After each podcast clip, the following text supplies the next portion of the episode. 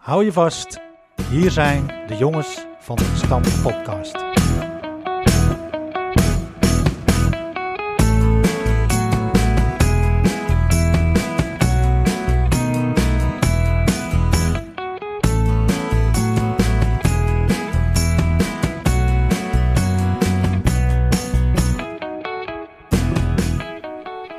Van harte welkom allemaal. En wat leuk dat je luistert naar aflevering 6 alweer van de Jongens van de Gestampte Podcast. De Jongens van de Gestampte Podcast heeft voetbalvereniging RK Edo uit de Goren als rode draad. RK Edo is daarmee de eerste West-Friese voetbalclub met een eigen podcast. En in deze tijd brengen wij een stukje RK Edo bij je thuis. Met clubnieuws, verhalen uit de oude doos, de beste elf zonder Flippy zelf en heel veel meer. Drijvende krachten, Jaap Heemskerk, Philip de Rooij en Bram Laan. En wij weten ons gesteund door onze sponsor Nifra Constructiewerken. En deze editie wordt eh, opgenomen vanuit de bestuurskamer van onze mooie club met uitzicht eh, op, eh, op de velden. De, de, de vlaggen van de sponsors wapperen vier in de wind. En ja, we gaan er weer een hele mooie aflevering van maken. Uiteraard hebben wij eh, leuke reacties mogen ontvangen op eh, aflevering 5. Dat was toch een soort eh carnavalseditie. Viel natuurlijk in goede aarde bij de OPC zelf. met name Bob, die, Bob Koning, die had er wel een... ja, die, had, die vond het allemaal hartstikke mooi. Maar wij stonden natuurlijk met z'n allen met het hele dorp op het ijs anderhalve week geleden. En dan spreek je weer een heleboel mensen en dan krijg je toch weer hele leuke reacties. Eh, onder andere liep ik Karel Pater tegen het lijf. En die beloofde mij plechtig om mij te gaan bellen. En dat had hij ook gedaan. Dus we hadden een heel mooi gesprek, Karel en ik. En eh, Karel zit natuurlijk nu in Amsterdam. Eh, speler, ex-speler moet ik zeggen, van, van Taba. Taba van, van de tabaks... tabaks Vroeger heette het ook tabak, hè? Tabak, ja. Taba, daar ben ik ooit eens met de onder eh, 17 geweest. En Karel die heeft daar eh, een tijdje gevoetbald. En is daar eh, eigenlijk eh, geblesseerd geraakt. En eigenlijk wel heel goed geblesseerd. Zodat het voetballen over is. Ik weet niet of er ook nog een, een plekje voor Legend ooit voor Karel is weggelegd. Dat hij dan opgelapt kan worden. Maar in ieder geval was het een leuk gesprek.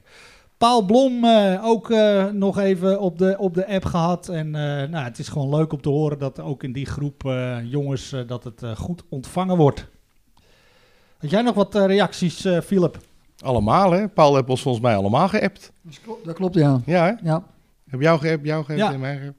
Ja, hartstikke leuk. Ik heb Plompie gesproken, ook helemaal fan van de show. Martijn Geel ligt helemaal in een deuk op de bank.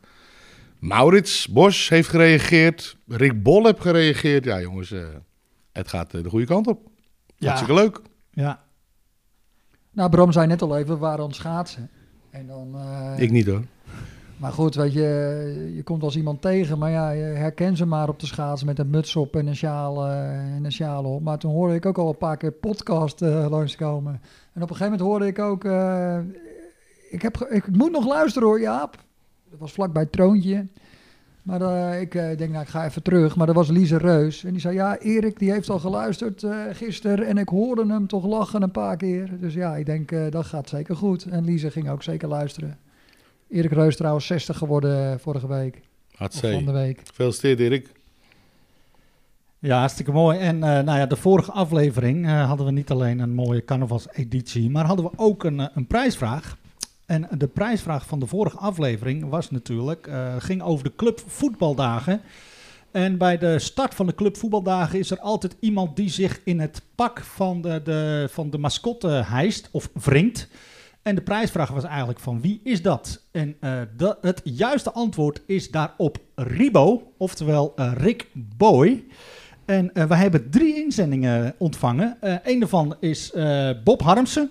Bob had het helaas niet juist. De volgende keer beter, Bob, moeten we dan maar zeggen. Op het moment dat Bob instuurde, zat hij er wel het dichtst bij. Ja, hij was de grootste kanshebber eh, inderdaad, eh, Bob. Nou, bedankt voor je inzending in ieder geval. En uiteraard eh, vanuit de club Voetbaldagen zelf, vrijwilligersclub, het juiste antwoord gegeven door Levi Pater. Levi die, eh, die eh, klom op de app en die eh, heeft het, het juiste antwoord gegeven dat dat dus Rick Boy is. En ook Rick die stuurde mij een app van Bram, ik weet niet of ik mag meedoen, maar het juiste antwoord, ja, dat was ik natuurlijk zelf. Dus Levi, van harte gefeliciteerd met de prijs en de, de overheerlijke worst komt zo snel mogelijk jouw kant op. Kan ik nog even aan toevoegen dat er inmiddels 70 aanmeldingen zijn voor de clubvoetbaldagen. En de vroegboekactie, wat inhoudt dat je dus een shirt ontvangt met je naam en een rugnummer, die is uitgesteld tot en met 14 maart. Dus je kunt je nog tot en met 14 maart opgeven voor de clubvoetbaldagen. Nou ja, drie dagen gezelligheid, voetbal en een gezonde dosis gekheid voor alle jongens en meisjes van 6 tot en met 13 jaar oud. En dat kan je allemaal doen op www.clubvoetbaldagen.nl en dan locatie RK Edo. Ik zeg doen, Jaap. Opgeven die handel. Eh, dat is Volgens mij heb je twee neefjes. Ja, zeker. zeker. Die, gaan, eh, die, die eh, hebben de afgelopen jaren genoten hoor, van die clubvoetbaldagen. Dus, eh, maar mijn zus die betaalt waarschijnlijk gewoon liever het volle pond. En, eh, nee hoor, ik bedoel, ik weet het niet. Nou ja, in ieder geval eh, is, er, is, er, is er nog plek. En eh, ja, dat belooft natuurlijk weer geweldig te worden, denk ik. En hebben we nog meer nieuws. Want eh, ja, we hebben gisteren, op het moment van opname, gisteren dus de persconferentie gehad. En eh, ja, daar is toch wel verheugend nieuws eh, ontvangen. Maar ook weer minder verheugend nieuws dus vandaag op de website van de KNVB. Maar de trainingen zijn open voor mensen tot en met 27 jaar. Leeftijdsdiscriminatie. Inderdaad, en nou, nou ontplofte de, de overige senioren trainingsgroeps-app enorm. Want er was ook, eh, ja, kijk, dat Patrick en Jaap en Roel en mijzelf, dat wij die leeftijdscategorie, dat wij niet in aanmerking komen voor die training, dat is natuurlijk best wel evident.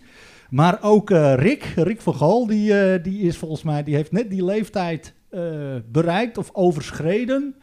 Nou ja, goed, ik, ik wacht wel eventjes af. Ja, Rick mag dus niet meedoen, wat lullig is natuurlijk. En dan denk je, waarom? Waarom? Juist hem. Maar, goed, ja, ik vind het jammer. Ik had eh, 29 februari eh, 1972 of zo geboren moeten zijn. ja. Dan mag ik wel meedoen. Ben je gewoon 12. Ja. Is het niet 1927 nee. qua geboortejaar? Ah, ik zocht gewoon de dichtstbijzijnde 29 februari eh, bij mijn geboortedatum. Maar zag jij de, de- het aantal groene kruisjes op die app? Het of was- groene vinkjes? Het was bizar Want ineens. de eh, trainers komen er, trainers komen eraan. ja, er komen Bizar. mooie, mooie tijden aan voor Edo, denk ik. Want Nou, nou, iedereen, eh, iedereen wil trainen.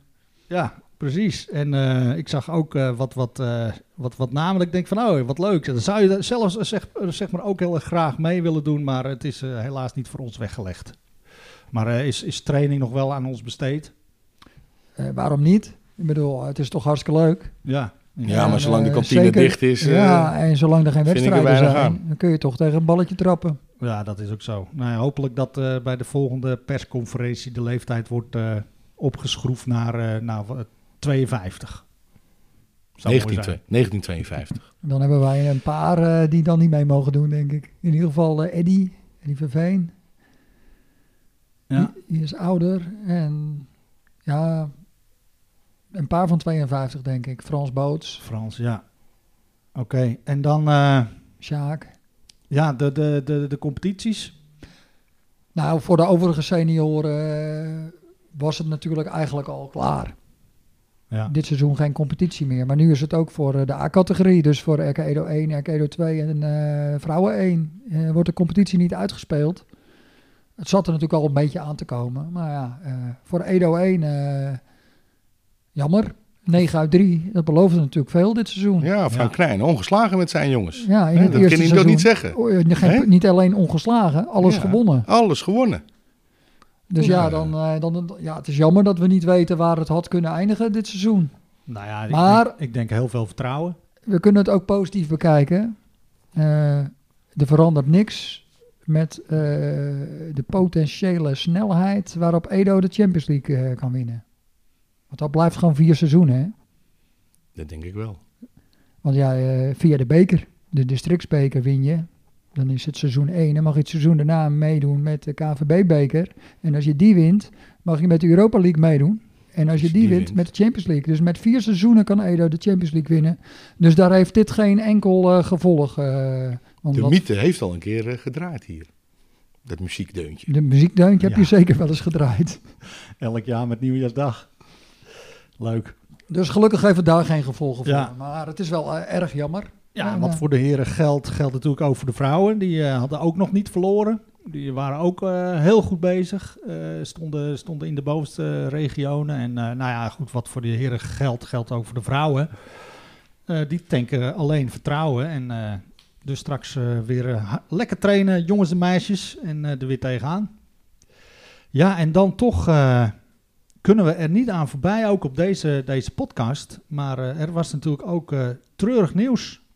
Philip. Ja, zeer droevig. Wat me toch wel eh bezig gehouden heeft de laatste dagen. Maria Brix overleden. We wisten al dat het niet goed ging. Corona. En uiteindelijk is het aan fataal geworden. Ja. Ja, en ook in deze tijd natuurlijk ook eh, het afscheid eh, van mensen die, eh, die eh, de kans hebben gekregen inderdaad eh, afgelopen zondag om, om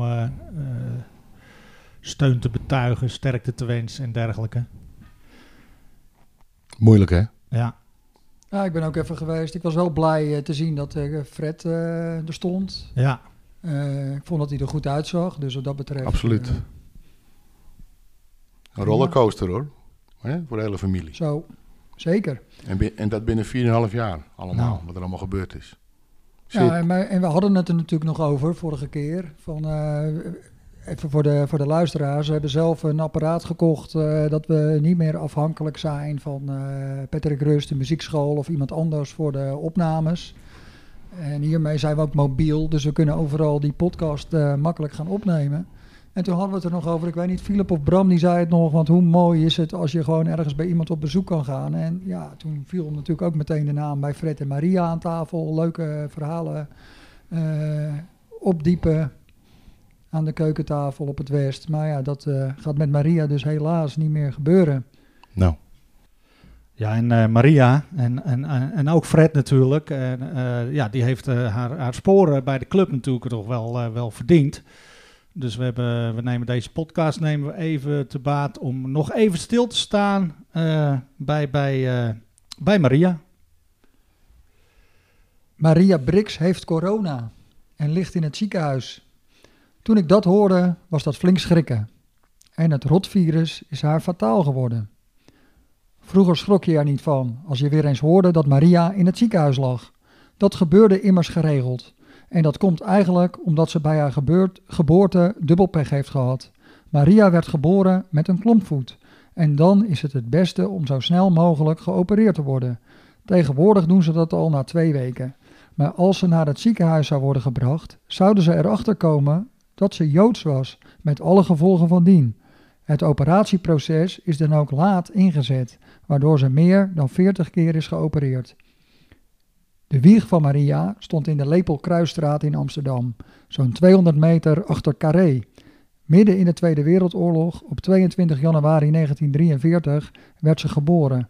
Als Sarah Dreesde kwam ze ter wereld kind van Joodse ouders, die samen met haar halfzusje vier maanden na haar geboorte werden omgebracht in het vernietigingskamp Sobibor. Haar ouders hadden kans gezien om haar af te geven aan de buren, maar die buren gaven haar uit angst aan de Duitsers. Sarah kwam in een Joodse crash terecht tegenover de Hollandse Schouwburg. Door een reddingsactie van de bekende verzetsheld Kees Chardon is ze aan de dood ontsnapt en is ze ondergebracht bij de familie Venselaar in Delft, die haar Maria noemde. Het zeer aangrijpende en bijzondere verhaal van Sarah Dreesde is op internet op diverse websites te lezen. In een interview met de Eendracht in 1992 vertelt Maria er ook over. Daarin vertelt ze ook dat ze al toneel speelde vanaf haar zevende jaar. Ze speelde zelfs in een promotiefilm van Shell.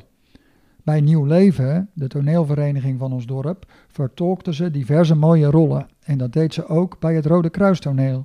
Het voordeel van haar overstap naar het Rode Kruistoneel vond Maria dat je dan lekker veel opvoeringen had. Wel dertig keer schitterde ze dan met hetzelfde stuk op de planken. Bij Nieuw Leven was het altijd maar een paar keer en dat vond ze altijd erg jammer. Dat ze ging toneelspelen is niet zo gek. Ze is immers geboren achter Carré, opgevangen in een crash tegenover de Hollandse Schouwburg, maar vooral vader Venselaar goot het toneelspelen er met de paplepel bij Maria in. Venselaar was acteur, cabaretier en gaf toneelles. Als pianist had hij Jules de Korte en hij, en hij gaf bij hun thuis toneelles aan de gebroeders Lutz. En dat vond Maria maar wat interessant. En dat vind ik dan als sportsingelverzamelaar ook heel erg interessant. Want Luc Lutz zong in 1970, nadat Feyenoord de Wereldcup had gewonnen, dankzij een treffer van Joop van Dalen, het liedje Het brilletje van Van Dalen, wat geschreven is door Toon Hermans, de hitparade in. En over sportsingels gesproken, als je de Ajax-mars, het clublied van Ajax, tegenwoordig hoort, is de kans het grootst dat je de versie van Fred Wiegman uit 1963 hoort. En juichtoon daveren langs de velden, voor ons dierbaar rood en wit. Wie kent het niet? Maar die Fred Wiegman, die sprak Maria aan op een terras op het Rembrandtsplein in Amsterdam. Hij vond haar enorm lijken op haar moeder, dus hij vroeg: Ben jij de dochter van Samuel en Racheltje Dreesde? Toen ze dat bevestigde, zei hij: Je vader was een vriend van me. Morgen spreken we af en ga ik je verhalen over je vader en moeder vertellen. Wiegman kwam niet opdagen. Hij was die dag verongelukt. Dat was in 1968 en dat was ook het jaar dat Fred en Maria naar de Goren verhuisden. Olaf was toen al geboren en Rachel volgde in 1970. Het verdriet na het verlies van Olaf, haar oogappel, moet ondraaglijk zijn geweest. En daar kwam het overlijden van schoonzoon Peter nog overheen. Het leven is niet eerlijk. In 1988 hoorde ik voor het eerst de naam Brix. 16 dagen nadat ik op 15-jarige leeftijd toetrad tot de Erke Edo-familie, werd Fred Brix erelid. Het was bij zijn afscheid als voorzitter. Zes jaar was Fred secretaris geweest, waarna hij zes jaar de spreekwoordelijke hamer hanteerde. Zijn opvolger Ad Groot had de eer om hem tot erelid te benoemen. Ik las dat in de eendracht die ik destijds altijd spelde. Als nieuwkomer kan een clubblad het aanpassingsproces enorm versnellen. Je leert sneller namen en daardoor mensen kennen. Toen de Eendracht in 1982 voor het eerst verscheen, was Fred al gekozen als voorzitter. Fred begreep dan ook als geen ander wat het belang van een clubblad is. Hij kwam er immers net als ik ook later bij in de Goren en niet voor niets heeft hij jaren in de redactie van ons clubblad gezeten. Ook Maria had aanvankelijk wel aanpassingsproblemen in de Goren. Ze vond het in het begin moeilijk. Er waren weinig winkels, de bussen reden om de twee uur, maar de mensen waren aardig. Ze ging bij het Vrouwengilde en bij de operette bij Blokdijk en Averhoorn. Dat was een geweldige tijd voor Maria. En niet eens vanwege het zingen. Ze kreeg de smaak te pakken van het nazitten. En heeft ontzettend veel gelachen met Lea, Wijnand en Ans Schouten. Fred zat al snel bij Erke Edo en bij de zoektocht naar een typiste voor het net opgerichte clubblad zei Fred dan ook: Dat doet Maria wel. En Maria deed het. Ze hield het vijf jaar vol, maar moest vanwege haar ziekenhuisopnames ook wel eens verstek laten gaan. Dat valt ook te lezen in de allereerste editie van de rubriek De pen is aan, die in de tweede jaargang van ons clubblad van start ging. Maria had de eer om de rubriek af te trappen. Zij schreef daarin: Daar zit je dan. Moet je een nieuwe rubriek openen? De redactie heeft mij de pen gegeven. Ik zoeken, blijkt het een denkbeeldige pen te zijn. Dus ik zit hier te schrijven. Had ik nu maar die mooie typemachine, maar die is bij Carla Bos die nu gelukkig de eendracht voor mij typt en die met smart op kopij zit te wachten. En dat wordt, weet ik uit ervaring, altijd op het laatste moment gebracht. Haastwerk, altijd. En wat doet Maria? Juist ja, ook op het nippertje. Nu ik zelf zou zitten schrijven, besef ik ook dat het moeilijk is. Er wordt altijd om kopie, kopij gevraagd en, dat en dan verwacht je ook dat het komt. Maar als je dan moet schrijven, gaat het toch niet zo gemakkelijk. Wat mij eerst van het hart moet, is dat ik ontzettend dankbaar ben voor de vele reacties die ik heb gekregen tijdens mijn gedwongen thuiszijn en de kaarten in het ziekenhuis. Die hoeveelheid, Daar kun je twee plakboeken mee vullen. Vooral als je in het buitenland ligt, tussen haakjes Leiden. Waar je natuurlijk niet zo erg veel bezoek krijgt. Dan is het heerlijk om post te ontvangen. Maria was natuurlijk niet alleen typiste van de Eendracht. Voor het jubileumboek van 2005 heb ik Maria als omroepster geïnterviewd in het boek. En daarin staat een portret van Maria als microfoniste. Eind jaren 70 is ze begonnen met omroepen bij Erke Edo. Maria wist niet precies meer wanneer ze was begonnen, maar met Edo 50 in 1980 lag ze ook in het ziekenhuis en toen deed ze het al een tijdje. Ook deed ze, het omroep, deed ze omroepwerk bij ziekenomroep Rovos in Horen en was ze te beluisteren op de regionale piratenzender Radio Colibri. Via de radio riep ze op zondagochtenden de Erke Edo supporters altijd op om naar de wedstrijd van het vlaggenschip te gaan kijken. Het omroepen bij Erke Edo begon met een microfoon in het balhok. Eerst binnen en later buiten, zodat ze de spelers beter in de gaten kon houden als ze het veld op gingen. Oud-trainer Bart Teling gaf er bij het passeren altijd een tikje op haar schouder uit bijgeloof. In 1998 nam ze plaats in de gloednieuwe geluidscabine die door de Club van 100 in de tribune is gemaakt. Dat was natuurlijk een hele vooruitgang. Ze, ze las altijd vooraf de opstellingen voor en noemde de naam van de scheidsrechter en de grensrechters. En ze begon ook met het noemen van de doelpuntenmakers en bleef daarom de hele wedstrijd op haar post. Maria was een perfectionist op dat gebied. Dat blijkt ook wel uit het feit dat ze voor de wedstrijd tegen ZTS uit Zaandam naar de ZTS-trainer stapte om te vragen hoe ze al die moeilijke Turkse namen moest uitspreken. Toen Maria ermee stopte, namen eerst Marjolein Meerveld en Piet van der Heijden het van haar over, maar al snel kwam Ton Laan, alias Tony de Voice, en dat was echt een waardige vervanger. Maria zei toen tegen mij: Erke Edo betekent heel veel voor me. En dat is wederzijds. En daarom, om Maria te herdenken, wil ik voorstellen om de omroepcabine in de Heddersbouwtribune om te dopen tot Maria Kapel. Een vrij bordje aan de buitenkant en binnen een mooi ingelijst portret. Maria is dan wel geboren uit Joodse ouders, maar opgegroeid als Rooms-Katholiek. Al had ze weinig op met het geloof. Maar als iemand deze ludieke actie, die het eerbetoon met een knipoog is, zou kunnen waarderen, dan is het Maria wel. Nu zullen velen zich afvragen: is dat niet te veel eer? Er zijn immers talloze mensen die zich meer hebben ingezet voor onze club. Maar zij hebben het dan gewoon niet begrepen en daarom zet ik het nog één keer op een rijtje.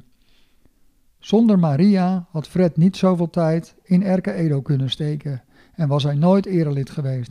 Het enige wat Maria in die tijd van Fred verlangde, was dat hij tussen half zeven en half acht thuis was voor het avondeten. Dat uur was heilig.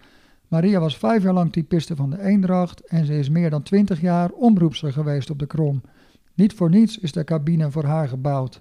Maria maakte jaar in jaar uit de Sinterklaasgedichten voor de club en bovenal is ze de moeder van Olaf, die hoogstpersoonlijk Erke Edo naar het kampioenschap van 1990 schoot.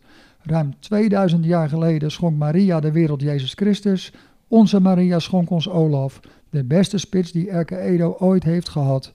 Dan verdien je wel een kapelletje. Heel mooi, Jaap. Fantastisch.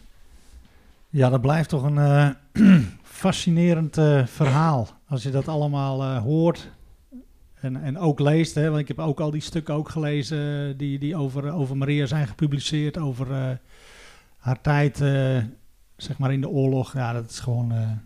Kippenvel. Ja, mooi gedaan. Absoluut. Ja. Ja, nou, en dan heb je dus ook meteen een, een idee om, om, om het hokje, zeg maar, om te dopen tot Maria Kapel. En stom toevallig krijg ik dus van de week een uh, mailtje of een berichtje van uh, voorzitter Marien. Want wij zijn in de trotse, uh, trotse bezit van een ideeënbus.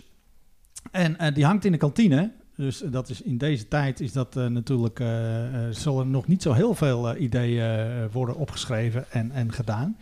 Maar ja, dat zou zomaar eentje kunnen zijn. En uh, zijn we natuurlijk uh, best wel benieuwd wat er, wat er gaat gebeuren. Maar in ieder geval, uh, ja, vind, ik het, vind ik het heel mooi als het gebeurt.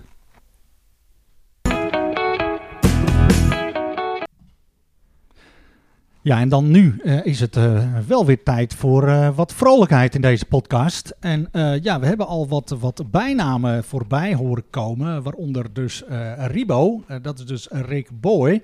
En ook liet Jaap de naam Tony The Voice ontvallen. En dat is natuurlijk uh, Ton onze huidige, onze huidige omroeper, die die klus samen met, met Patrick natuurlijk goed klaart. En zijn we aangekomen bij onze hele mooie rubriek.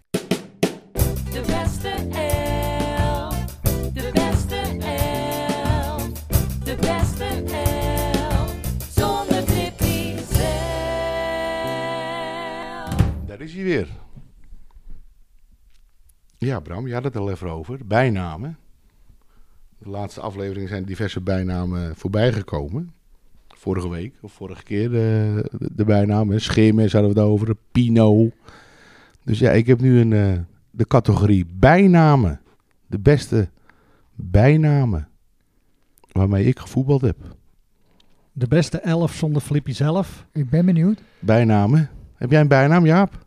Nou, de allereerste uh, podcast-aflevering van uh, de Jongens van de Gestampte podcast. Toen werd ik geïntroduceerd door Bram en die uh, noemde mij Junkie SL.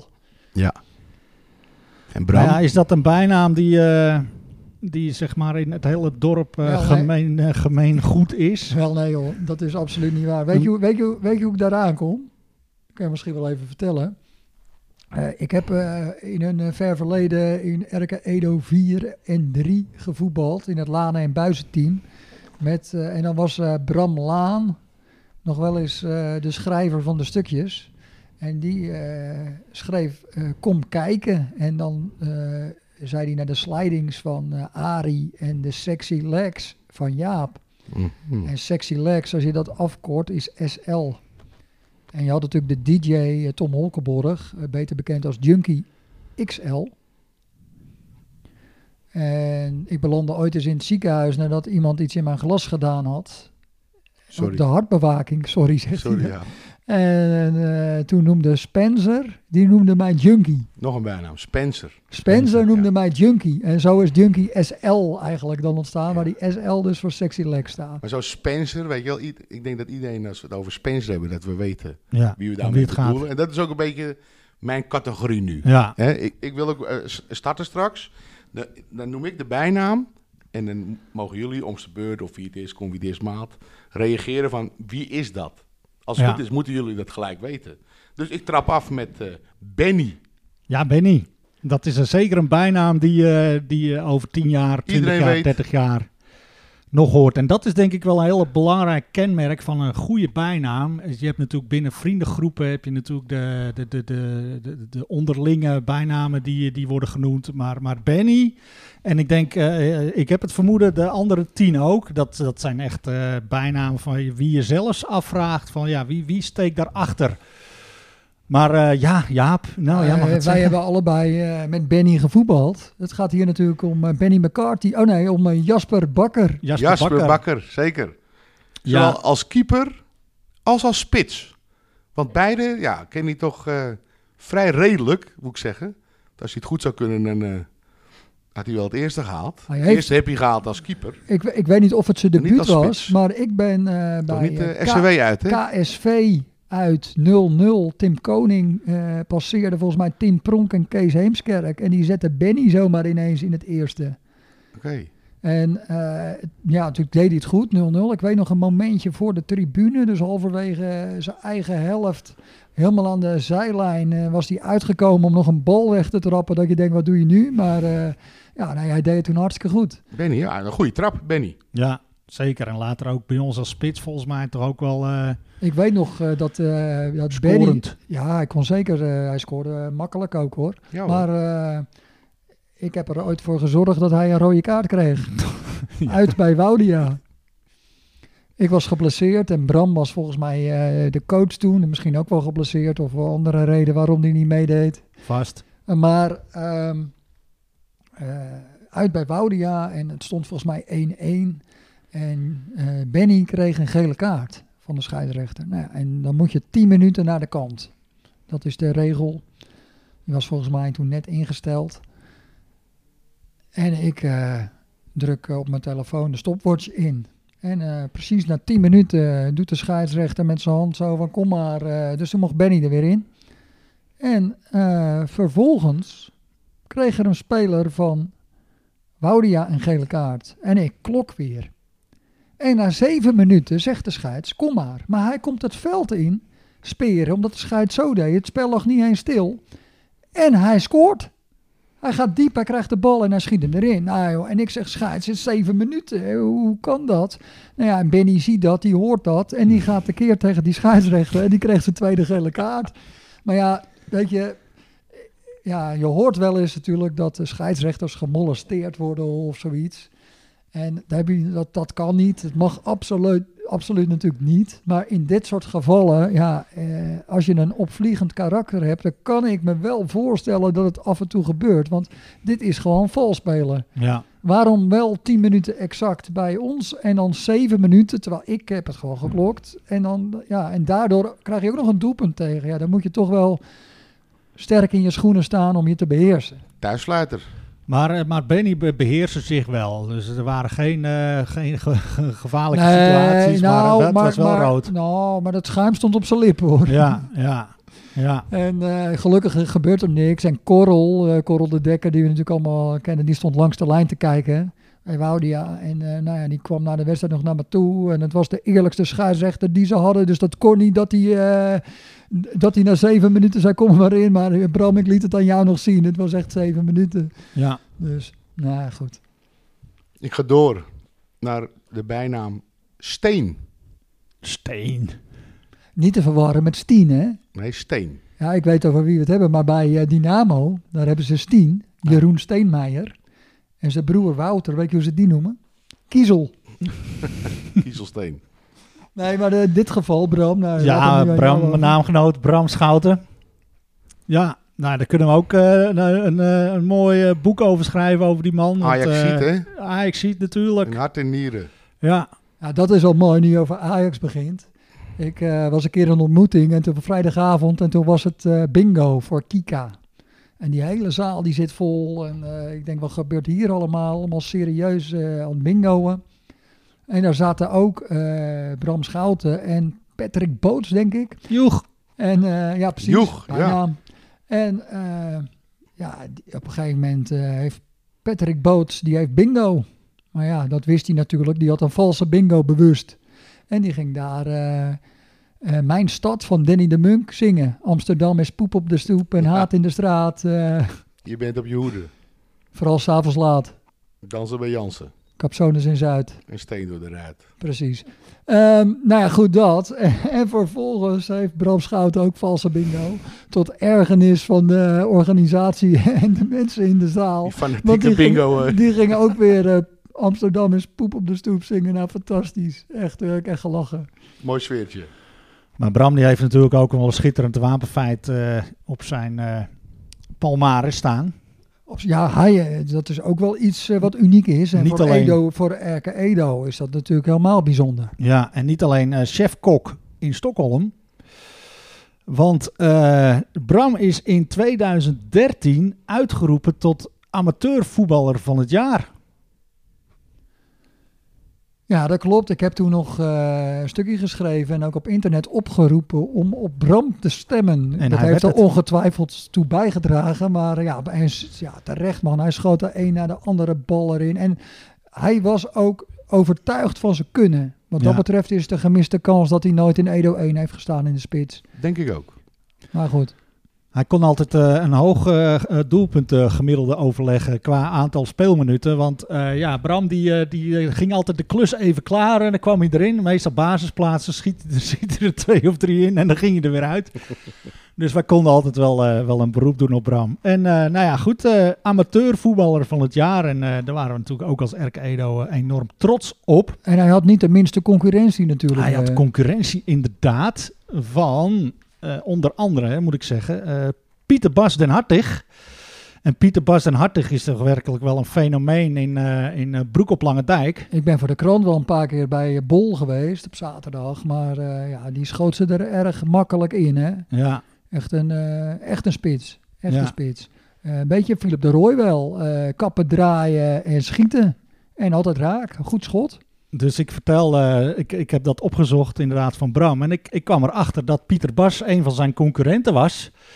En toen had Pieter Bas, ik vertelde over onze podcast. Hij zegt, nou, ik heb nog een hele leuke anekdote. Want Pieter Bas, die eh, kwam, eh, op een gegeven moment kwam hij bij de Koninklijke HFC terecht in het eerste. Dat speelde toen eh, divisie. Hij heeft ook nog gescoord tegen Heracles volgens mij. Hij scoorde tegen Heracles, staat ook eh filmpje op YouTube inderdaad. En nou ja, ze, ze moesten het met, voor de beker moesten ze tegen IJsselmeervogels. Eh, de topklasse was verdeeld in zaterdag en zondag, dus dat, eh, dat gebeurde niet zo heel vaak. En eh, nou ja, ze waren natuurlijk wel op hun hoede, want in de top van de zaterdag amateurs was er, s- IJsselmeervogels natuurlijk wel een, een bekende naam. Dus dat zou een stevig bekerpotje worden. Dus zij met de bus op een doordeweekse avond naar Spakenburg, naar de Westmaat. Mooi complex. Zaterdag amateurvoetbal ademt. En uiteindelijk gingen ze de warming-up doen. En hadden ze een eh, vorm bij HFC dat, dat ze lange ballen door de lucht naar elkaar toespeelden. En zo met de kaats erin en alles. En eh, ja, Pieter Bas was een eh, beetje een klassieke spits. Stond niet heel erg be- be- bekend om zijn fluwele traptechniek. Zeker niet bij HFC, waar ze allemaal gouden voetjes hadden, volgens Pieter Bas. Hij kon wel hard schieten. Dus die oefeningen gebruikte hij om, om zijn dozen van van zijn voeten af te schieten. Dus eh, hij eh, had een hele mooie strakke peer in zijn hoofd. En een beetje risico erin. En eh, zo op het stropdassie. Hij geeft die bal een hengst. Hij raakt hem heel goed, mooi strak, maar een beetje uit richting. En juist op datzelfde moment staat de trainer van IJsselmeervogels, Frans Adelaar, die staat een, een interview af te nemen. En er worden wat vragen gesteld. En die peer van Pieter Bas, die belandt boven op, eh, op het hoofd van Frans Adelaar. En die gooit er natuurlijk meteen wat, wat, wat vloeken uit. En elke keer als er eh, bij eh, het voetbalprogramma, of het ja, programma Veronica Inside, als er iemand een bal in zijn gezicht krijgt, wordt dat fragment weer afgespeeld. Dus zijn wij er ook meteen achter wie daar de afzender van was. En ze hadden schitterende shirts hadden ze bij de Koninklijke HFC. En ik heb er eentje van Pieter Bas mogen ontvangen. Dus eh, ja, dat is natuurlijk wel leuk. Ze wonnen trouwens met 1-0 daar, Koninklijke HFC. En daar heeft dus onze steen van gewonnen. Hè? Onze steen, Bram Schouten. Kijk. Klit. Nou, dat is er ook een van Bram. hè. Ik heb ook met Klit eh, gevoetbald. Een eh, beetje een clown op doel altijd, of niet? Ja, Klit die had natuurlijk ook een deftige naam. Dat was de Kietelaar. En Klit was natuurlijk eh, bij het ontstaan van eh, het, toen het vriendenteam RK Edo 4, eh, was hij gewoon onze keeper. En inderdaad, keepers wordt er wel eens wat van beweerd. En, en Kietelaar die vormde daar eigenlijk helemaal geen uitzondering op. Want ja, die, die kwam op zondagochtend wel eens het veld op. En dan vertelde hij in de kleedkamer, jongens, het is gisteravond niet helemaal goed gegaan. Ik, ik ga vandaag niet duiken. En eh, nou, ja, hij, weigerde, hij weigerde vervolgens ook gewoon naar de hoek te gaan. Maar gelukkig hadden wij eh, voldoende kwaliteit op het veld dat het ons ook niet heel veel puntverlies eh, opleverde. Maar ja, Klit is, is zeker een. een Ik heb zijn echte naam nog niet gehoord. Erik Groot. Erik Groot. Erik Groot juist. van Gerard. Ja. Ja. Ja, bij mij stond hij altijd veel bij FC Koning op doel. ja.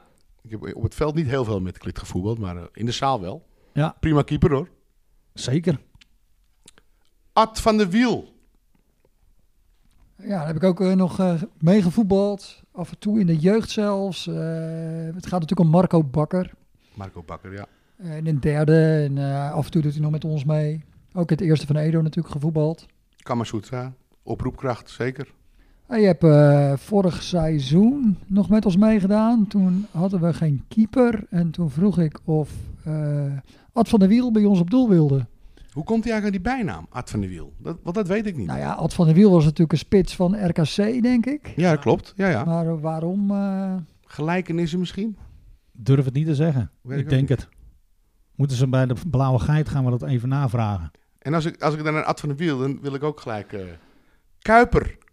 Kuiper, ja. Zelfde groep. Wie is dat? Ja, Dat is Ronald Bakker. Ronald Bakker. Kuipertje. ja, van Jaap. Het verhaal ging dat, dat eh, zowel Marco Bakker als Ronald Bakker... zijn natuurlijk eh, neven van elkaar.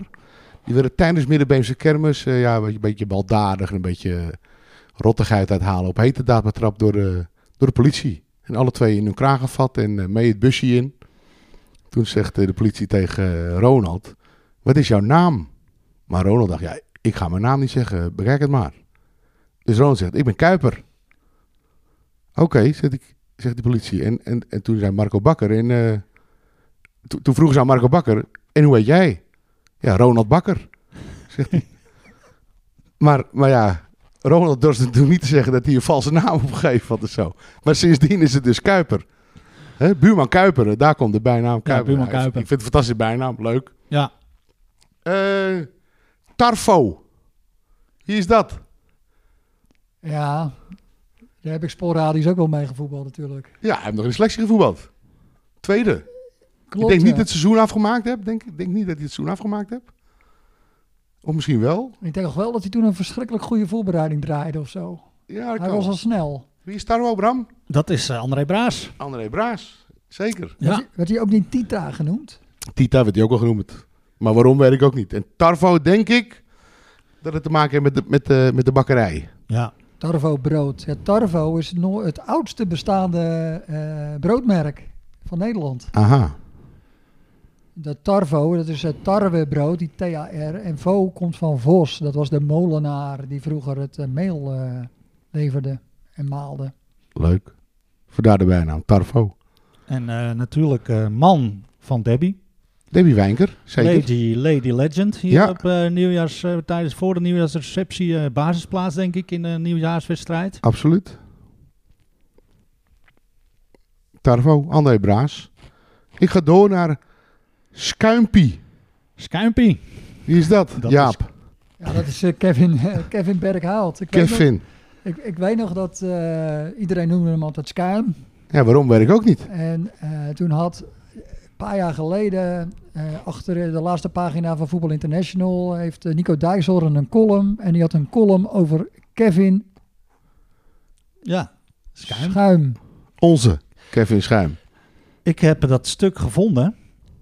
En wat, eh, wat Nico Dijkshoorn schrijft, eh, dat er in september... Nou weet ik helemaal niet of er eigenlijk een verband is tussen, tussen Kevin eh Berkhout en Schuimpie. Maar Kevin Schuim, dat was eh, een kopsterke spits met een hazenlip. Oftewel de nieuwe, de nieuwe spits die nog niemand kent. En ja, nou weet ik niet eh, hoe, eh, of, of dat inderdaad verband heeft met, met het feit dat Kevin nu Schuimpie genoemd wordt. Of wat dan ook. Maar het is natuurlijk wel een bijnaam die Nee. over 10, 20 jaar nog, eh, Ja, die- Nee, nog blijft maar hangen, denk ik. Ze noemden hem al lang al Schuim. Oh, nou, dat is dan wel heel erg toevallig. En, en toen zag ik dit en toen heb ik dat eh, volgens mij nog eh, op, op internet gezet. Of ik weet niet meer precies. maar wie weet dan waarom hij Schuim genoemd wordt? Oh, ik heb geen idee. Want ik vind het wel heel jammer dat hij, dat hij eh, niet meer voetbalt. In ieder geval niet in de selectie. Ik, eh, ik wist niet eens dat hij gestopt was Oh, met de selectie. Ja, Vorig, jaar, vorig jaar stond hij toch nog wel in de af selectie. en toe eens. Er was ook een soort oproep, eh, oproepkracht. in Maar de- hij, hij was snel. maar- En ik vond wel, want ik heb een keer alles op bij de training eh, op doel gestaan. En dan eh, met afrondvormen, dat hij schoot wel altijd tussen de palen. En Van dat doen de meesten niet. van het vangnet. Als jij gewoon als niet-keeper op doel gaat staan tijdens afrondvormen, dan heb je het eigenlijk helemaal niet zo moeilijk. Maar Kevin die schoot dan wel altijd wel tussen de Heb je palen. nooit bij mij op doel gestaan dan? Uit in die De tijd niet. Oh, in die tijd niet. Durfde je niet, hè? Eh, Spijker. Spijker. Wie is dat? Zijn er mi- misschien wel meer, denk ik. Maar wie bedoel ik ermee? Spijker. ja, volgens mij eh, Peter de Dekker. Peter de Dekker, juist. Klopt inderdaad. Ja, ehm, kampioen met Edo 4. Toch? Hebben wij Peter toen eh, ook eh, in, de, in, de, in de groep gehad dat we toen kampioen werden met, met RK Edo 4. Ja, toen zat ik daar niet in, Bram. Dus, Nee. Dus eh, ja, rechtsbuiten. Hard rennen en eh, scoren. Hard werken ook, vond ik. Hij li- liet eigenlijk nooit echt verstek gaan. Nee, denk ik ook niet. En, eh, ja, Zoon van, hè? Ja, zoon van. Albert. Ik weet nog, een paar jaar geleden zat hij dus bij ons bij 45 plus. En toen moesten we uit bij Kwiek. En Bram deed volgens mij ook mee. En eh, Peter, de spijker, die moest links half. En hij, op een gegeven moment, hij staat de hele tijd rechts buiten. En toen ben jij volgens mij gewoon uit jezelf, is Bram uit zichzelf eh, naar links gegaan, man. Maar ja, je kon eh, Peter wel als mandekker heel goed gebruiken. Hij heeft Erik Bunk volgens mij nog wel eens uit de wedstrijd gespeeld. Die werd helemaal gek van hem hier oh, eh, tegen Kwiek eh, veteranen. Maar ja, dat was eh, Peter. Ook eh, volgens mij vorig jaar gestopt. Verhuisd ook, hè? Terug naar eh, waar zijn vrouw eh, vandaan kwam, geloof ik. Of een horen. Ja. Of weer een horen, ik weet niet. Ik weet niet precies. Ik maar ja. Spijker is inderdaad eh, Peter de Dekker. En ik heb hier staan. Viva! Waar? Viva! Wie is dat, Jaap? Weet jij het? Ja, natuurlijk. Ik heb met Wiwa ook nog in het derde gevoetbald. Oh ja. Een jaar of twee jaar. Dat was altijd wel lachen. En Wiwa is eh, ja, een echte trouwe koggenpopquizzer. Die ik natuurlijk ook altijd organiseer. Dus ja, Wiwa, die, eh, die eigenlijk moet ik wel nadenken. Hoe heet hij ook alweer? Maar dat is natuurlijk gewoon Robin Wever. Juist. Ze hebben hem ook gewoon een keer gewonnen, hè? De, de Koggenpopquiz. Ongetwijfeld. Robin? Jazeker. Met wie? Ja, met Jeffrey. Sowieso Jeffrey Punt. Die is Ja. wel goed ook. Oké. En eh, Wiwa is ook goed hoor. Weet Ja. een hoop. En Barry natuurlijk. Barry Wever. Lars. Ja, ik vind het al ik vind fantastische familie, familie Wever. En, en dan moet ik ook wel een beetje aan, eh, aan Jerry denken natuurlijk. En Jerry was vroeger eh, bevriend met Robin, Robin Roet. En het waren natuurlijk buurjongens, of buurtjongens, eh, ene straat, andere straat. Maar eh, op een gegeven moment kwamen ze op het fantastisch idee om te gaan spijbelen. Ik denk dat ze een jaar of dertien waren. En eh, ja, ze gingen spijbelen. De ouders waren al eh, vroeg naar het werk toe. En, eh, en Jerry zou naar Robin toe komen en dan zouden ze samen de KTS bellen. En zo geschiedde. Hè? Dus die telefoon gepakt. Hallo, u spreekt met Roet. Robin is vandaag ziek. Oké, ik geef het door. Toen snel op de fiets naar het huis van Jerry, waar Robin ging bellen. Namens de vader van, van Jerry. Hallo, met Wever. Jerry is vandaag ziek. Oké, ik geef het door. Maar ja, school ging verifiëren om te kijken of het echt waar was. Dus hun snel weer op de terug naar het huis van Robin, waar de telefoon ging. Dus Jerry neemt die telefoon op en zegt hallo. En die school vraagt, hallo, spreek ik met Roet? Nee, met Jerry. dus toen waren echt alle twee een beetje op hete daad eh, Nou, ze moesten fietsen als brugman om weer toch Ja. nog op tijd op, eh, op school aan te komen. Ik, ik blijf het een fantastisch verhaal vinden. Heerlijk. En Viva, nou- familie Wever. Ja, Robin is overigens ook eh, geleider van een eh, jeugdteam. Dame, ja, de, de Ja, meisjes. Ja. Ja. En, eh, Ja. Ze doen het altijd erg goed met de grote clubactie. eh, Leuk. Lotenverkoop. Ja. Dus daar zijn we su- super blij mee. Ja, wel jammer dat Robin eh, iets eerder gestopt is dan zijn vader met voetballen. Ja, doen hebben de hele tijd... eh, ik ken Taam nog uit het, eh, uit het vierde elftal... wat gesponsord werd door eh, restaurant Bamboe. En, en, Die, dat- Chinees. en dat dan die, die Amerikaan, die slee, wat was het, Cadillac, Ja, denk ik, die van, witte. van Perry en Marcel Bierhaler. Ja, legendarisch. ervoor, ja. Ja, met z'n met z'n allen in één auto naar een uitwedstrijd. Ja, en ik heb ook wel getraind, overigens senior eh, met Taam. Die kwam altijd trouw op de training. Ja. Ja, leuk. Maar ik ga door. En deze weten jullie ook eh, alle twee. Pico. Pico. Wie is Pico? Nou ja, dat is de ontwerper Van ons logo. van ons logo. Ja. Wist hij toch weer even heel snel voor elkaar te boksen, niet? Ja, eh, wij hadden een podcast opgenomen. eh, de eerste. En eh, nou ja, we deden het gewoon maar. En dan moet je iets gewoon eh, uploaden op internet. En hadden we, eh, moet je een logo hebben. Denk, shit man. Dus ja, eh, snel Carlo gevraagd. En binnen no time hadden we de, dit logo. Leuk. Dus ja, dat is, dat is klasse. Pico. Maar Carlo heet natuurlijk Pico. En wat een hoop mensen misschien niet weten, dat komt omdat je Carlo Picorni had. Die bij de slag bij Beverwijk, Ja, de F-side Ajax. Ja. om het leven is gekomen. Carlo Picorni. Ajax Feyenoord clash. Ja. En eh, nou ja, eh, zo komt hij eigenlijk aan Pico. De eerste vier letters van Picorni en Carlo en Carlo. Ja, Ja. je Ja, moet een bijnaam hebben, maar dat groeit. En op een gegeven moment heet je zo. ja hij is natuurlijk eh, ook groot animator toen geweest van die eh RK Edo Gala feest, hè? RK Edo 6. Met Edo 6 met gala. alle toeters en bellen eromheen. Lee inderdaad. Towers in de Houten Herberg. Lee Slip. Towers was in Dolleburg. Was hij in Dolleburg? Oké, ja, het dus de begon in eerste de was houten. ja. De eerste was in de houten. Dat was eh, misschien nog wel de leukste, eerlijk gezegd. Maar daarna was het ook leuk hoor. Maar bij met Lee Towers was het met eten en alles voor, eh, voor mensen die wat meer betaalden. Ja, casino. In, eh, in het voorcafé, of Eetcafé 70 nu dus, zeg maar. ja. Ja, de houten. En Is later ook- was het toch bij is overal geweest, denk ik. Dijk. Drie locaties. Het slipje van Katja Schuurman. Werd geveild. Jaap, heb je hem nog of niet? Ik heb hem niet gekocht. Oh. eh. Maar je hebt hem wel. Onder je kussen. nee hoor, Flip Oh. dat niet. Oké. Ja, dat was natuurlijk een team wat helemaal bol stond van de bijnamen. Ja. De Goe en eh, noem ze maar op. De Champ. Ook Weaver, Champ. Guan, Ja, Paul Boa, ja. Maar ja, die zijn niet zo eh ingeburgerd. ingeburgerd als, als Pico. deze. Want je komt niet zomaar in de beste elf zonder Flippy zelf. Nee, ik moet er nog één, Bram. Dus daar wil ik ook mee afsluiten dan. En dat is gewoon Ad. Ad. Wie, Niet Ad van der Wiel, Ad. Ad. Wie is Ad? Adje. Adje. Björn. Ja? Björn Klaver. Björn Klaver. En Ad die kan vreselijk goed hakken. Die is van de happy hardcore. Ja. En ik heb beelden gezien van Ad. eh, ja, die is daar gewoon echt eh, enorm bedreven in. En ja, waarom heet die Ad? Omdat die enorme gelijkenissen heeft met die knakker van eh Paul de Leeuw. Paul de Leeuw, ja. Ja. En Ad heeft eh, volgens mij afgelopen jaar in de selectie eh, gespeeld. Maar eh, volgens mij geblesseerd geraakt. Dus, dus Vorig jaar stond hij in tweede dat ik een keertje eh, Klopt, mee ja. mocht doen. ja. En, Stond eh, hij rechts back en ik rechts half. Ja, is Oh. ervoor gegaan, Ad.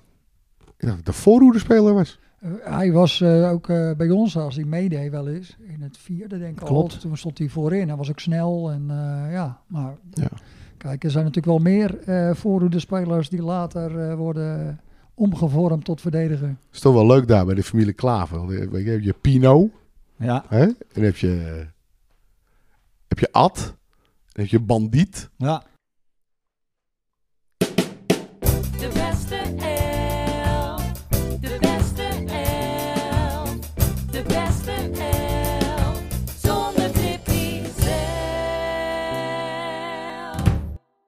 Nou, maar dat is dan gelijk een mooi eh Nifra-bruggetje van Ad naar Pino. eh. vorige keer hadden we het natuurlijk al over Pino die in jouw carnavalskrakers eh, stond. Ja. Maar over eh, Jarno, de broer van Ad, heb ik nog eens een keer een mooi verhaal geschreven. En eh, ja, in de rubriek eh, die we vorige keer maar omgedoopt hebben te- tot eh Tikkie terug, Jaap, Tikkie terug, Jaap. ja. zal ik eh, die nu even voordragen. Ja, en dat verhaal eh, over Jarno, dat eh, schreef ik op 3 december 2018. El Jardinero, de tuinman. Ik moet het toch maar weer eens hebben over Jarno, de man met de vele bijnamen. Pino, de schrik van de fruittuin, El Jardinero, de stoelensloper, Klavertje bier, Sjaak Afhaak. Het maakt eigenlijk niet uit hoe je hem noemt. Vorig seizoen viel hij nog in de prijzen. Hij kreeg de Sjaak Afhaak trofee 2017-2018 en die haak hangt prominent in zijn twee onderheen kapwoning in de buitenplaats. Zo trots als een klavertje met vier blaadjes was hij met zijn prijs. En hij doet er dit seizoen echt alles aan om die Sjaak Afhaak titel te prolongeren. Als zijn kinderen deze tijd hoor de wind waait door de bomen zingen, pakt Jarno al zijn telefoon om te vertellen dat hij er zondag weer niet bij is. Wij verwijten hem dat natuurlijk graag, maar hij kan er echt niets aan doen. Hij heeft nu eenmaal een blaadjestrauma opgelopen in zijn puberteit. Als Mout, Sophie en Roos hoor de wind waait door de bomen zingen, voor de schoorsteen trekt Jarno direct zijn tuinkloffie aan om de bladeren te gaan harken. Het is een Pavlov-reactie waar hij mee moet leren leven. Sneu, maar waar. Jarno moet eigenlijk hulp zoeken en op een sofa liggend zijn verhaal doen aan een psychiater. psychiater. Maar dan zouden er wel eens dingen naar buiten kunnen komen die in de familie Klaver niet, niet zo goed zouden vallen. Toen Dirk Braas stopte met voetballen, hadden we bij Erke Edo, Erke Edo-veteranen een nieuwe schoffelaar nodig. En heb je het over schoffelen, dan kom je uit bij Jarno. Hij is immers tuinman van beroep en de schrik van de fruittuin. Die kom je liever niet tegen in het veld. Jarno kent namelijk eh, geen genade of je nou onkruid, stadionstoel of voetballer van Kwiek 78 bent. Jarno sloopt je. Dat zit nu eenmaal in de aard van het beestje en dat begon al op jonge leeftijd. Hij moet, het moet vroeger nogal een toestand geweest zijn bij de klavers thuis. Maar het incident is in de familiedoofpot gestopt en met de mantel der liefde bedekt. Want je denkt toch zeker niet dat broer Niels met dat armpje is geboren. Wie Jarno kent, weet wel beter. Als hij zijn tanden ergens inzet, laat hij niet meer los. Arme Niels. Vanaf dat moment is vader Jan behoorlijk streng gaan optreden om zijn opstandige en eigenwijze zoons enigszins in toom te kunnen houden. Als het herfst was en de wind door de bomen waaide, keek Jan uit het raam en riep naar zijn oudste zoon: Jarno, ruim jij die vieze blaadjes eens op? Jarno dacht dan: shit, hij heeft ze gevonden en rende naar zijn kamer om ze op een andere plek te verstoppen. Als Jan een half uur later constateerde dat Jarno nog steeds niet in de tuin was, brak de pleuris uit. Heel de Pastoorlemeerstraat kon dan meegenieten en om dat weer enigszins goed te maken, moest Jarno niet alleen de eigen tuin van de herfstbladeren ontdoen, maar ook de andere tuinen in de straat. Hij kreeg dat vak hierdoor zo goed onder de knie dat hij er zijn beroep van heeft gemaakt. Het was een klein wonder dat Jarno gisteren tegen Graspers zomaar weer eens van de partij was. Hij was gisteren namelijk precies 12,5 jaar getrouwd. Bij binnenkomst in de kantine zag je aan zijn hoofd dat er iets was. Hij was zichzelf niet en bokzaggerijnig. Zou zijn huwelijk nog wel goed zijn? Normaliter is zo'n jubileum toch wel aanleiding genoeg voor Jarno om niet te gaan voetballen. Vrouw Lydia kwam echter gewoon kijken hoe wij met 0-1 werden verslagen. Dus dat verklaarde zijn chagrijnigheid niet. Het was de wanprestatie van AZ die Jarno dwars zat. En dat humeur wordt pas weer beter als Van der Brom moet vertrekken, want Jarno is een Van der Brom oudroeper van het eerste uur.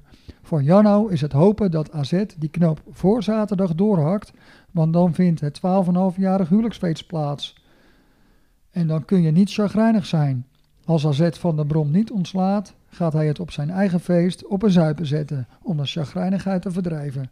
En daarom meldde hij zich vandaag alvast af voor de wedstrijd van aanstaande zondag bij Kwiek 78. Zo kennen we hem weer. Mooi. Pino. En ook Ad natuurlijk, hè, want daar sloten we de, de beste elf zonder eh, Flippy eh, zelf mee af. Eh, ja, de spelregels kennen we natuurlijk wel. Uiteindelijk aan het einde van een reeks komt er een elftal uit de bus van Flippy rollen. Met de beste spelers met wie, eh, met wie hij gevoetbald heeft. En deze keer eh, ja, hebben we dus, eh, is het thema bijnamen aangepakt. En nou ja, goed, er zitten natuurlijk wel wat mensen te luisteren die denken... ja, maar ik heb toch ook een bijnaam? En dan hebben we nog eventjes een kleine, kleine ronde gedaan... door mensen die dan zeg maar op de reservebank zijn beland.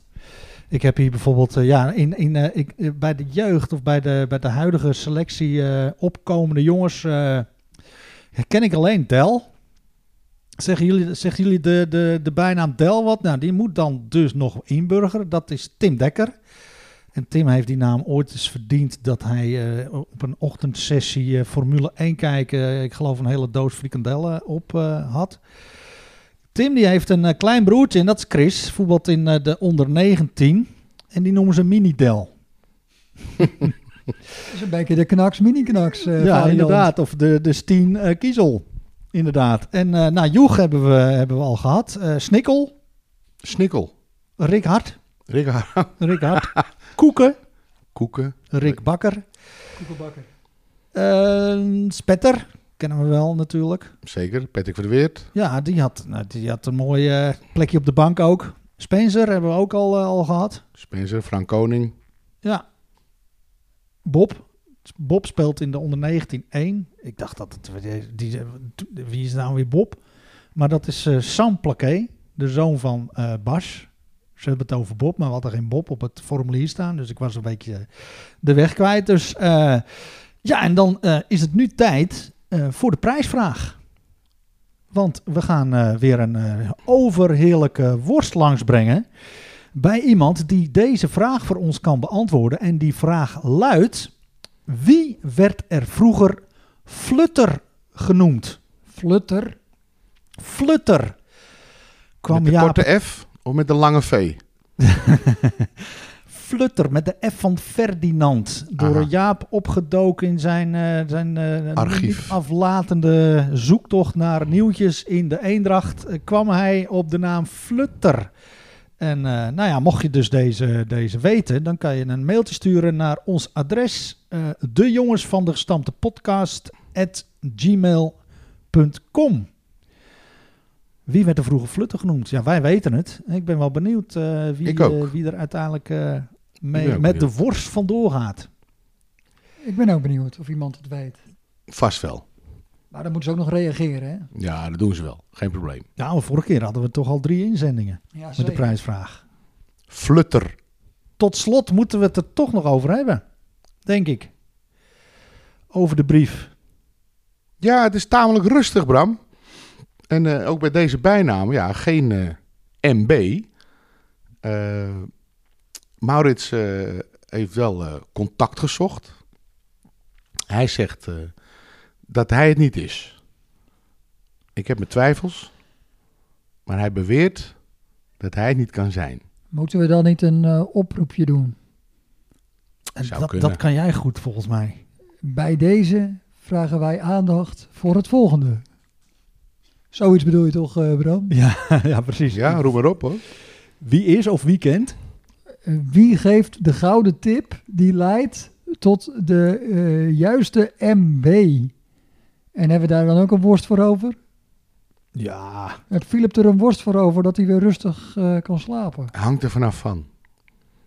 Ik ben maar nu... geven we dan niet te veel worst eh, weg? Of moeten we een worstensponsor gaan zoeken? maar Heeft die, Sam Rood zich nog niet gemeld? Of de HEMA? Of wat hebben we nog meer voor slagers in de gemeenschap? Jos Smal. Ja, is die nog slager? Of In die net afscheid, eh, nee, die is, die is, Afscheid eh, genomen, Ja, die, Oh. eh, die Nou. is daar niet meer. Nee, maar goed, eh, dat vind ik inderdaad wel een treffende oproep. Ja, want wij zitten natuurlijk van om, de- om de havenklap worsten uit te delen. Maar hoe mooi is het als jij daar je naam aan kan verbinden? Dus, MB, laat van je horen. Of als je weet wie MB is, laat van je horen. Ja, Want Philip, die, ja, we zien het gewoon aan hem. Die jongen die moet weer nachtrust hebben. Leidt, mensen. En zijn we dan eh, aangekomen bij alweer het einde eh, van aflevering 6 van de Jongens van de Gestampte Podcast. Wil ik hierbij nog een, woord van dank uitbrengen naar onze sponsor Nifra Constructiewerken, Muziekschool Kogeland, Michiel Beemster, Carlo Veld en uiteraard iedereen voor het luisteren. Heb je suggesties, vragen of ideeën? Mail ze gerust naar de jongens van de gestampte podcast at gmail.com. Tot de volgende keer en dan zijn we alweer bij aflevering 7.